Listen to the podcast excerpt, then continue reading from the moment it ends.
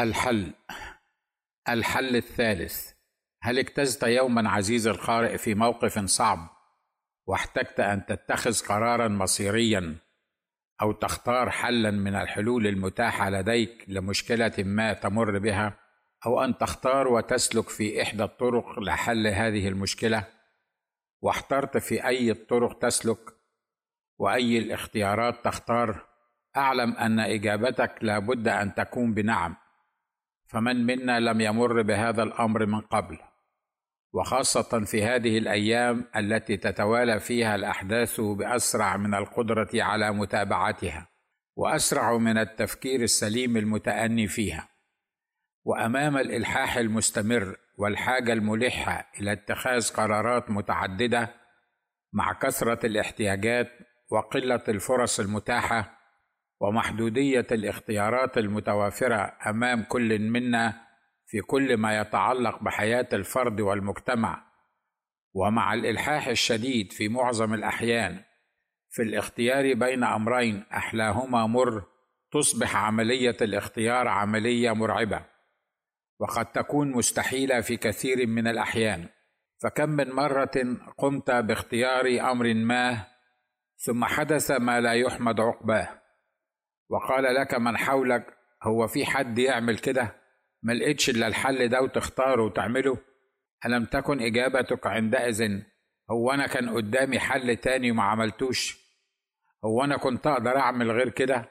وعادة تنتهي إجابتك أهو ده اللي حصل وخلاص اللي فات مات إحنا دلوقتي قدام الورطة اللي أنا فيها وقد تكون الاختيارات التي أمامك أفضلها مر لحياتك فمثلا إما أن تختار بين أن تترك القرية التي ولدت فيها وتربيت وتعيش فيها منذ نعومة أظفارك وتبحث لك عن مكان آخر داخل مصر أو العراق أو سوريا وغيرها تجنبا للمعاناة والاضطهاد وسوء المعاملة من جيرانك الذين أصبحوا أعداؤك لا لشيء إلا لأنك تخالفهم في العقيدة أو الدين أو المذهب. أو لأن رمز من رموز دينك أو كاهن كنيستك وافق على خريطة الطريق وأيدها وأوصى باحترامها وتطبيقها والمتمردون من جيرانك يرفضونها شكلا وموضوعا.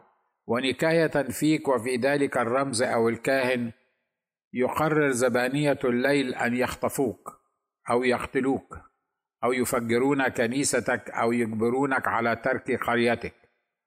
ويكون خيارك الثاني. إن لم يعجبك هذا الحل الأول هو أن تختار أن تحيا في مكانك وقريتك ولتتحمل الضغط والاضطهاد والمتابعة والتدخل في كل شؤون حياتك. والخياران والحلان أفضلهما ظالم ومعيب ولا يقبل به إنسان سليم العقل. ولعل الموقف الذي مرت به مصرنا الغالية على قلوبنا في 30 يونيو 2013 كان خير مثال لما أريد أن أوضحه في هذا المقال. فبين اختيار وقبول غطرسة الإخوان المسلمين كحكام لمصر بالرغم من جهلهم في أساليب القيادة وشرهم وحبهم للتملك والحكم وإفسادهم للحياة الاجتماعية والسياسية وحتى الدينية فيها والخوف منهم ومن تدميرهم لمصر وقتلهم لشعبها من جهة وبين اختيار وقبول خروج شعب مصر متمردا عليهم والقيام بثورة 30 يونيو والإطاحة بهم بهذه السرعة المذهلة. وفي رأيي بأقل الخسائر الممكنة لم يكن الاختيار سهلا. ففي كلا الاختيارين تضحية ودماء مصريين ستهدر وأرواح ستزهق. أما ما حدث بالفعل فلم يكن اختيارا ثالثا. نعم كان حلا ثالثا ولكنه لم يكن مطروحا على الساحة السياسية في مصر ولم يخطر على بال بشر ولم يتوقعه إنسان ولا في أحلامه لا في مصر ولا في خارجها ولا حتى للشعب المصري نفسه. الذي قام بالثورة باعتراف الجميع فالخياران اللذان كانا متاحين أمام المصريين أحلاهما مر ومكلف تكلفة باهظة. إن بقي الإخوان المسلمون أو أجبروا على الرحيل. أما ما حدث وهو أن ينضم الجيش إلى صفوف المتظاهرين ويحسم الأمر لصالحهم فهذا هو الحل الثالث الذي اختاره الفريق أول عبد الفتاح السيسي ولم يكن متوقعا وهذا ما هو غير مفهوم حتى الآن من قبل العالم كله وخاصة للمصريين. فكيف يقف الفريق أول السيسي وهو من ولاه المخلوع مرسي قيادة الجيش في وجهه وينحاز إلى الشعب ضده وكيف لم يكتشف مرسي أن السيسي سينضم إلى الإرادة الشعبية؟ ولماذا لم يخلعه من منصبه ويولي غيره في غضون دقائق؟ وبحركة غادرة كما تعود الإخوان المسلمون أن يعملوا. وأعتقد أن مرسي كان قادرا على أن يفعل ذلك. كيف لم يكتشف مرسي أن هناك حركة اسمها تمرد؟ وأنه يمكن لها أن تهز عرشه الذي حارب وحاربت جماعته بكل إمكانياتها وخداعها للحصول عليه. وكيف ترك مرسي السيسي يتدخل في الشؤون السياسية للبلاد؟ وهو الرجل العسكري الذي يحتم عليه منصبه أن يكون بعيدا عن الجدل السياسي وليس عليه إلا أن ينفذ أوامر القائد الأعلى للقوات المسلحة. وكيف وكيف وكيف حدث ما حدث بهذه السرعة وبأقل الخسائر كما قلت سابقا. أسئلة قد يجيب عليها التاريخ وقد لا يفعل ويترك الإجابة للتحليل والآراء السياسية والدينية المختلفة. المهم أن هذا اختيار الحل الثالث الذي يلهم به علام الغيوب الإنسان فيختاره إن أحسن الاختيار.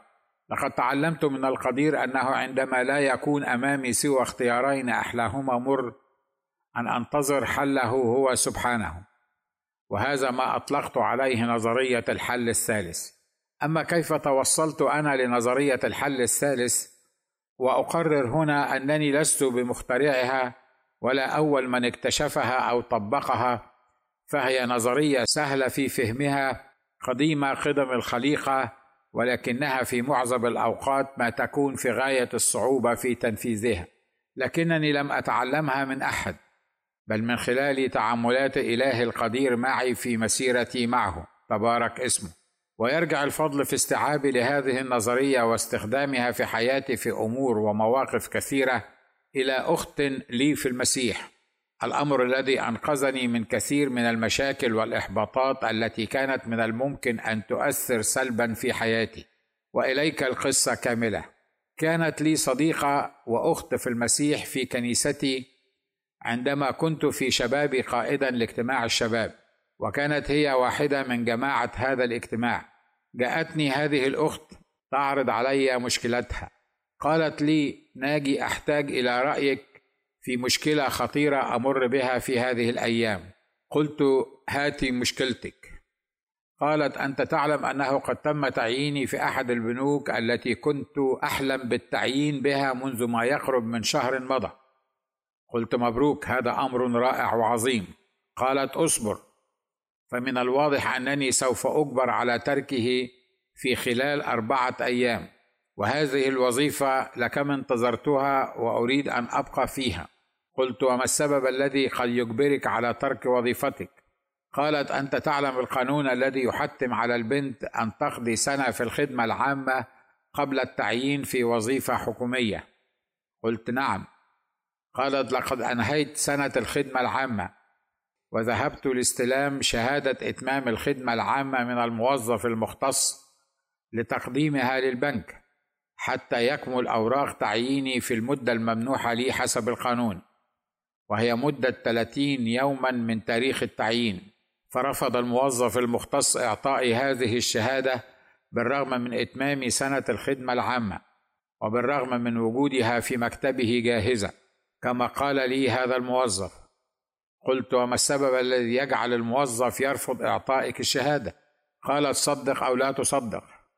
لقد طلب مني الموظف بلسانه وبكل وضوح أن أعطيه خمسة جنيهات على سبيل الرشوة للحصول على شهادتي.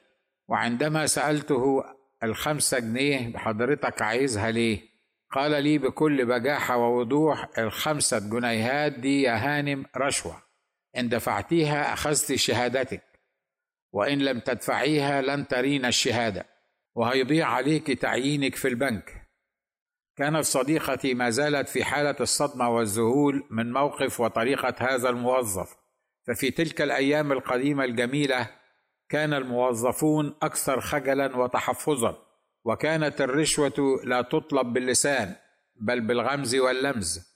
وفتح الدرج أو بين طبقات الأوراق المطلوب اعتمادها أو الحصول عليها وكانت تعطى في السر والخفاء وسرعان ما يدسها الموظف في جيبه وهو يتلفت يمينا وشمالا للتأكد أن أحدا لم يره لكن أن يطلب موظف حكومي من سيدة بلسانه وبهذه الطريقة الوقحة السافرة رشوة وأن يحدد قيمتها خمس جنيهات والتي تساوي 500 جنيه بأسعار هذه الأيام وأن يهدد صاحبة الطلب بخساره مستقبلها في البنك إذا ما لم ترضخ لابتزازه هذا ما لم يكن أحد يسمع عنه في تلك الأيام الخوالي الجميلة التي عشتها في مصر. أكملت صديقتي حديثها وقالت ألم يعلمنا الكتاب المقدس أن تقديم الرشوة امرا محرما وأنها خطية يحاسب عليها الرب الراشي والمرتشي؟ قلت لها نعم هذا صحيح. قالت لقد رويت قصتي هذه لأنكل فلان وطلبت نصيحته. قال لي يا بنتي ما تضيعيش وقتك ومستقبلك. والرشوة مش حرام لو إنك بتدفعيها للحصول على حق لك. كان أنكل فلان هذا أحد القادة المشهورين في الكنيسة الإنجيلية. وقد ذاع صيته حتى تعدى حدود مصر إلى خارجها. فمن يقدر أن يقول رأي مخالف لرأي أنكل فلان في أي قضية يفتي فيها. قال صديقي أنكل فلان قال ادفعي. وأنت ماذا تقول؟ كنت أعلم أن أي حلول أو اختيارات يمكن أن أقولها لهذه الصديقة مخالفة لرأي أنكل فلان ستسبب لها بعض الاضطرابات في تفكيرها وستسبب لي بعض المشاكل معها. وبالتأكيد معه إذا سمع أن لي رأيا مخالفا لرأيه أجبت صديقتي بكل ما لدي من حكمة بسيطة وقلت دعينا نعدد الخيارات الموضوعة أمامنا للحصول على الشهادة. قالت ليس أمامي سوى حلان. أن أدفع لهذا الرجل الخمسة جنيهات كرشوة وآخذ الشهادة أو تضيع الشهادة وأرفت من البنك. قلت لها لماذا لا ترسلين تلغرافا إلى وزيرة الشؤون الاجتماعية وتحكي لها القصة وتطلبي مساعدتها في حل هذه المشكلة؟ قالت صديقتي أرسلت لها ثلاثة تلغرافات ولم تجبني بشيء. قلت لماذا لا تذهبين لمقابلتها؟ قالت ذهبت ولم أتمكن من مقابلتها. عندها كان علي أن أختار حل من الاثنين. إما أنني على رأي انكل فلان وأنحاز إلى جانبه وأخالف إيماني وكتابي المقدس وضميري وقناعاتي الشخصية وأخلص من هذا الموقف الذي لم أكن احسد عليه وإما أن أتمسك بكل هذا وأصر على أن الرشوه حرام وأمر مخالف لتعاليم الكتاب المقدس. لكني كنت أعلم أن إيماني وقناعاتي لابد أن تطبق علي أنا وليس على من حولي. وأنه لا يمكنني أن أجبر الآخرين على قبول اختياراتي. لكنني في نفس الوقت أنظر إلى صاحبة المشكلة كصديقة وأخت وواحدة من اجتماع أنا قائده الروحي. ولا بد لي أن أكون مخلصا امينا فيما أقوله لها. ووقعت في حيرة لبضعة ثوان. سألتها ما عليك من رايي أنا؟ أنت صاحبة المشكلة إلى أي رأي تميلين؟ إلى رأي انكل فلان أو إلى رايي أنا وهو أن ما نهاني عنه المولى القدير لا مفر من تنفيذه حتى لو كان بالنسبة لنا مستحيلا. قالت صديقتي الحقيقة أنا أميل إلى رأيك أنت وهو ألا أدفع الرشوة ففي رأيي أن هذا هو الرأي الكتابي. صمتت قليلا ثم قالت لكني سأخسر وظيفتي أحنت رأسها إلى أسفل وبدت عليها الحيرة وقليل من الاكتئاب وكادت تستدير وتتركني أنظر إليها وهي تغيب عن أنظاري دون أن تحصل مني على حل شاف لمشكلتها. تسارعت في عقل الكلمات. فماذا أقول لها؟ هل أقول لها ادفعي ولا تخسري وظيفتك؟ وكيف لي أن أخالف كتابي وضميري وأدمر صوره الروحية في ذهنها؟ وكيف تثق في بعد اليوم؟ وفي مشوراتي لها في أي أمر آخر. أم أصر على موقفي وأنهاها عن أنها تدفع الرشوة وماذا لو فصلت من عملها. ماذا ستقول عني؟ وربما حملتني مسؤولية فصلها من عملها. لكني لست أدري كيف نطقت بالكلمات التالية. وقلت لها عندما يكون أمامنا حلان وأحلاهما مر لابد أن يكون لدى الرب الحل الثالث. قالت ماذا تعني؟ قلت إن الحلول المتاحة لك إما أن تدفعي وتأخذي الشهادة وإما أن لا تدفعي وتفصلي من عملك. قالت نعم. قلت هذا ما أسمعه من إله الآن. هو سبحانه لديه الحل الثالث الذي لا أعرفه لا أنا ولا أنت فهو مكتوب عنه أن له في الموت مخارج. وأنه يدعو الأشياء غير الموجودة كأنها موجودة. ما علينا إلا أن نصلي ونتضرع إلى الله أن ينقذ الموقف بطريقته هو بالحل الثالث. استراحت صديقتي وبدت عليها ابتسامة جميلة وقالت سأصلي وأنتظر الحل الثالث. وانصرفت إلى بيتها. صلينا. تدخل يا مولانا وإلهنا وربنا وأعطنا الحل الثالث. الذي لا نعرفه نحن. قابلتها في اليوم التالي سألتها هل هناك جديد في حل هذه المشكلة؟ قالت لا أنا منتظر الحل الثالث. لم أتمكن من مقابلتها أو الاتصال بها لمدة ثلاثة أيام بعد مقابلتنا الأخيرة.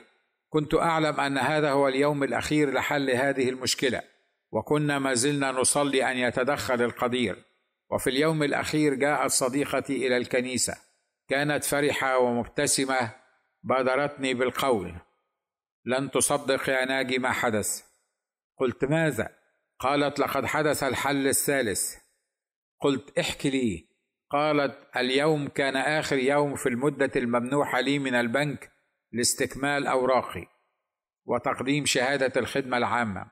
وفي نحو الساعة الواحدة ظهرا دخلت سيدة لاهثه إلى البنك وكان يبدو عليها علامات التعب وكانت تتصبب عرقا وهي تسرع الخطى إلى القسم الذي كنت أعمل به وسألت عني بالاسم فأحضروها إلى مكتبي.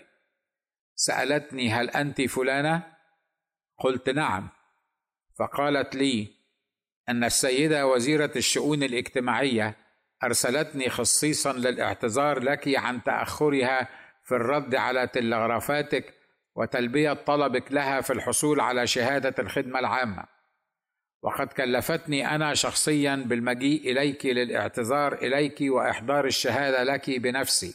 قالت صديقتي علمت بعدها أن هذه السيدة التي أحضرت لي الشهادة كانت برتبة وكيلة وزارة الشؤون الاجتماعية. وقد جاءت بنفسها لتسليم الشهادة في مكتبي.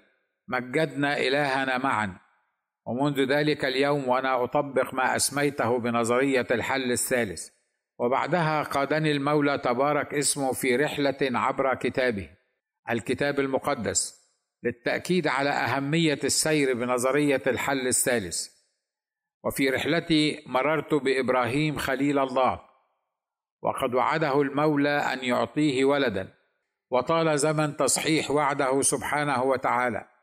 فاختار إبراهيم حلا من الحلول المتاحة لديه فكان عليه إما أن يشك في كلام المولى ويصرف النظر عن الإنجاب فقد أصبح ابن تسعة وتسعين سنة وسار امرأته بنت تسعة وثمانين أو أن يدخل بهاجر المصرية وينجب منها الولد.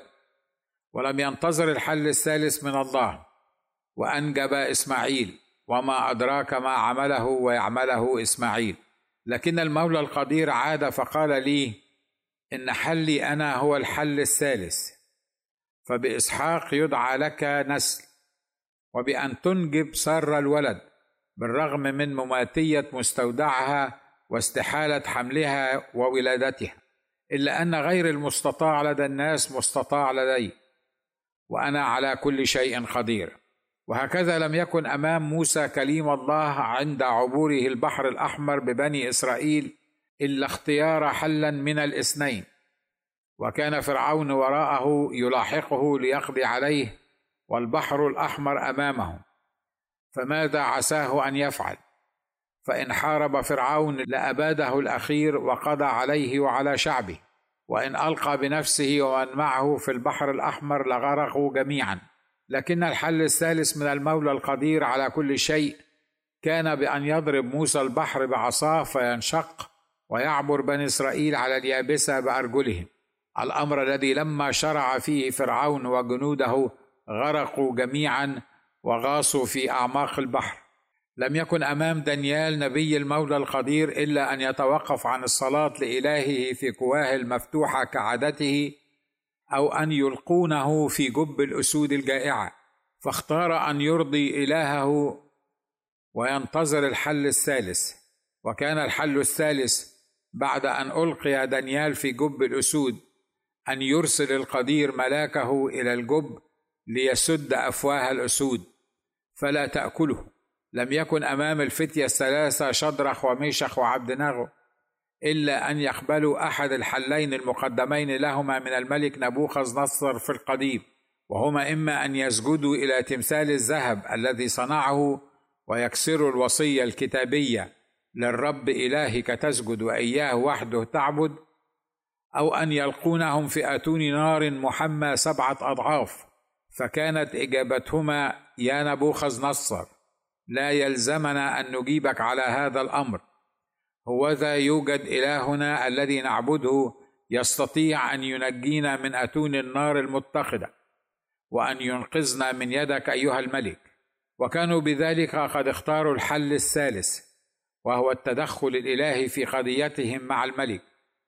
ويعوزني الوقت ومساحة النشر للكتابه عن كثير من رجالات الله في العهدين القديم والجديد الذين انتظروا الحل الثالث من السماء. فنجحوا في حياتهم وخدمتهم وتوصيل رسالاتهم وأيضا عن آخرين قرروا أن يختاروا لأنفسهم أحد الحلول المتاحة لديهم دون الانتظار للحصول على الحل الثالث من السماء فكانوا في النهاية من الخاسرين. ولا بد من الاعتراف أن هناك عدة مشاكل في تطبيق نظرية الحل الثالث.